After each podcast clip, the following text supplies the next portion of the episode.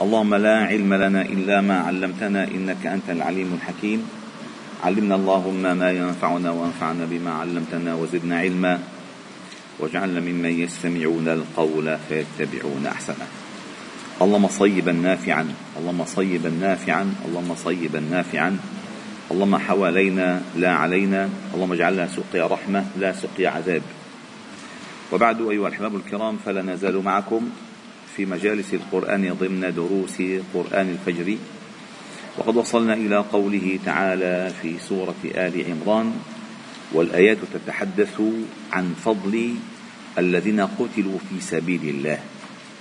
وبدأ الله جل جلاله بقوله تعالى ولا تحسبن الذين قتلوا في سبيل الله أمواتا. بل أحياء عند ربهم يرزقون فرحين. بما آتاهم الله من فضله ويستبشرون بالذين لم يلحقوا بهم من خلفهم ألا خوف عليهم ولا هم يحزنون. يستبشرون بنعمة من الله وفضل وأن الله لا يضيع أجر المؤمنين. قلنا هذه الآيات كلها في فضائل من قتل في سبيل الله تعالى وما أعده الله تعالى لهم. وما أعده الله تعالى لهم. وبدأ وبدأ هذه الأعطيات الكريمة قال عند ربهم فبما بيقول لك إذا عندي خلص ما بتسأل عن شيء أبدا. إذا الأمر عندي إني خلص عند ربهم هذه أعظم قال العلماء هذه من أعظم الأعطيات أن يجعلهم الله تعالى عنده. عنده في جواره. جل الله تعالى في علاه ثم قال الله تعالى الذين استجابوا لله والرسول من بعد ما أصابهم القرح. للذين أحسنوا منهم واتقوا أجر عظيم. الذين قال لهم الناس إن الناس قد جمعوا لكم فاخشوهم فزادهم إيمانا وقالوا حسبنا الله ونعم الوكيل. فانقلبوا بنعمة من الله وفضل لم يمسسهم سوء. واتبعوا رضوان الله. والله ذو فضل عظيم. هذه الآيات إن الله جل جلاله بالترتيب القرآني إن يتدرج معك بالأحداث. يتدرج معك بالأحداث. فمن قتل في هذه المعركة أراك الله تعالى الجزاء الذي أعده الله تعالى له. طيب، بعد المعركة ما الذي حصل؟ بعد, المر... بعد المعركة عندما عاد أبو سفيان وقريش وهم مزهوون بهذا النصر الذي أحرزوه وهم مزهوون بهذا النصر الذي أحرزوه قالوا لا محمدا قتلتم ولا الكواعب أردفتم قتلتموهم حتى إذا لم يبق إلا الشريد حتى إذا لم يبق إلا الشريد تركتموهم ارجعوا فاستأصلوا محمدا وأصحابه. بعد ما روحوا فوصل ذلك إلى النبي صلى الله عليه وسلم. وكان يا مساكين يا دوبهم راجعين على المدينة عم يلمل مجروحاتهم رجعوا على المدينة ومعهم سبعون شهيدا وأكثرهم جرحى ومعنويات محطمة وصل هذا الخبر. فعندما وصل هذا الخبر قال النبي صلى الله عليه وسلم ألا لا يخرجن معنا أحد إلا من حضر يومنا بالأمس. لا في ناس بالمدينة دلوا من الرجال. فقال ما ما بنطلع عند أبو سفيان إلا اللي كان معنا بأحد. اللي شاف الهزيمة بأحد. اللي من قتل له شهداء في أحد. ألا لا يخرجن معنا أحد إلا من حضر يومنا بالأمس. بس. هذه قوة. لذلك الله تعالى قال الذين استجابوا لله والرسول من بعد ما أصابهم القرح. فبعدما أصابهم القرح استجابوا لله ورسوله فمدحهم الله تعالى. وهذه الغزوة تسمى غزوة حمراء الأسد. تسمى غزوة حمراء الأسد. لهذه الموقعة على بعد ثمانية أميال من المدينة المنورة. ولكن أبو سفيان آخر شيء كمل.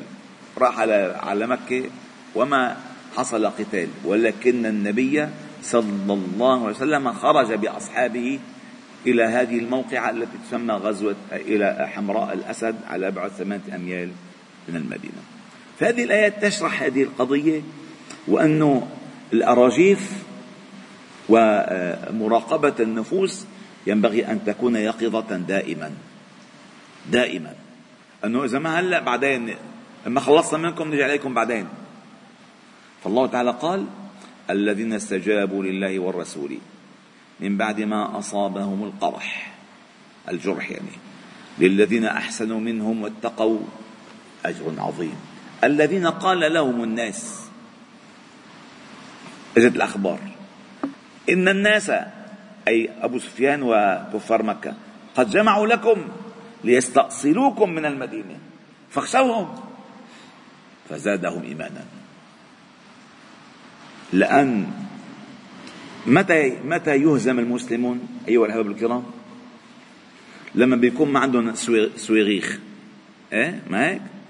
ولا بيكون عندهم آه، نووي ولا بيكون عندهم جيش كبير ولا بيكون عندهم طيران ولا مسيرات.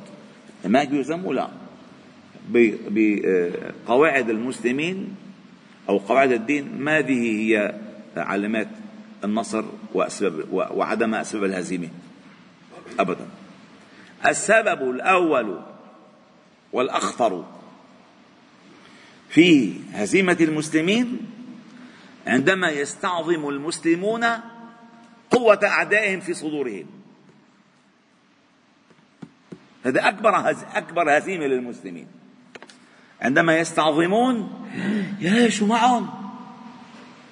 عندما يستعظمون قوة أعدائهم في صدورهم وينسون قوة الله وعظمته يهزمون ولو عن أونلاين بيهزموا. والله على الفيس بينهزموا ما في داعي لا جيوش تجي ولا صواريخ تضرب ولا بوارج تبحر.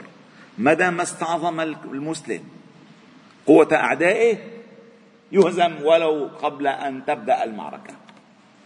قبل أن تبدأ المعركة. هذا أكبر دليل. إن الناس قد جمعوا لكم فاخشوهم. شو صار بالمؤمن؟ فزادهم إيمانا وزادهم ثباتا وزادهم يقينا. وقالوا حسبنا الله ونعم الوكيل أي الله كافينا إياهم والله ناصرنا عليهم والله راد كيدهم عنا والله محيط مكرهم بهم. هيك المؤمن هيك هيك بظن. هذا المؤمن. غير المؤمن بيعمل قياسات بيعمل قياسات ادعى عنا رز. ادعى عنا صواريخ. ادعى عنا كذا. لا المؤمن بيقول ادعى عنا صبر. ادعى عنا يقين. ادعى عنا توكل. ادعى عنا ثقة. ادعى عنا يقين بالآخرة. ادعى عنا المؤمن هيك بيعمل. بيزين هذه الزود اللي عنده. أما غير المؤمن ما بيزن المسألة. لذلك المؤمن قال فزادهم. أي هذا الكلام هذا الكلام التخويف زادهم إيمانا.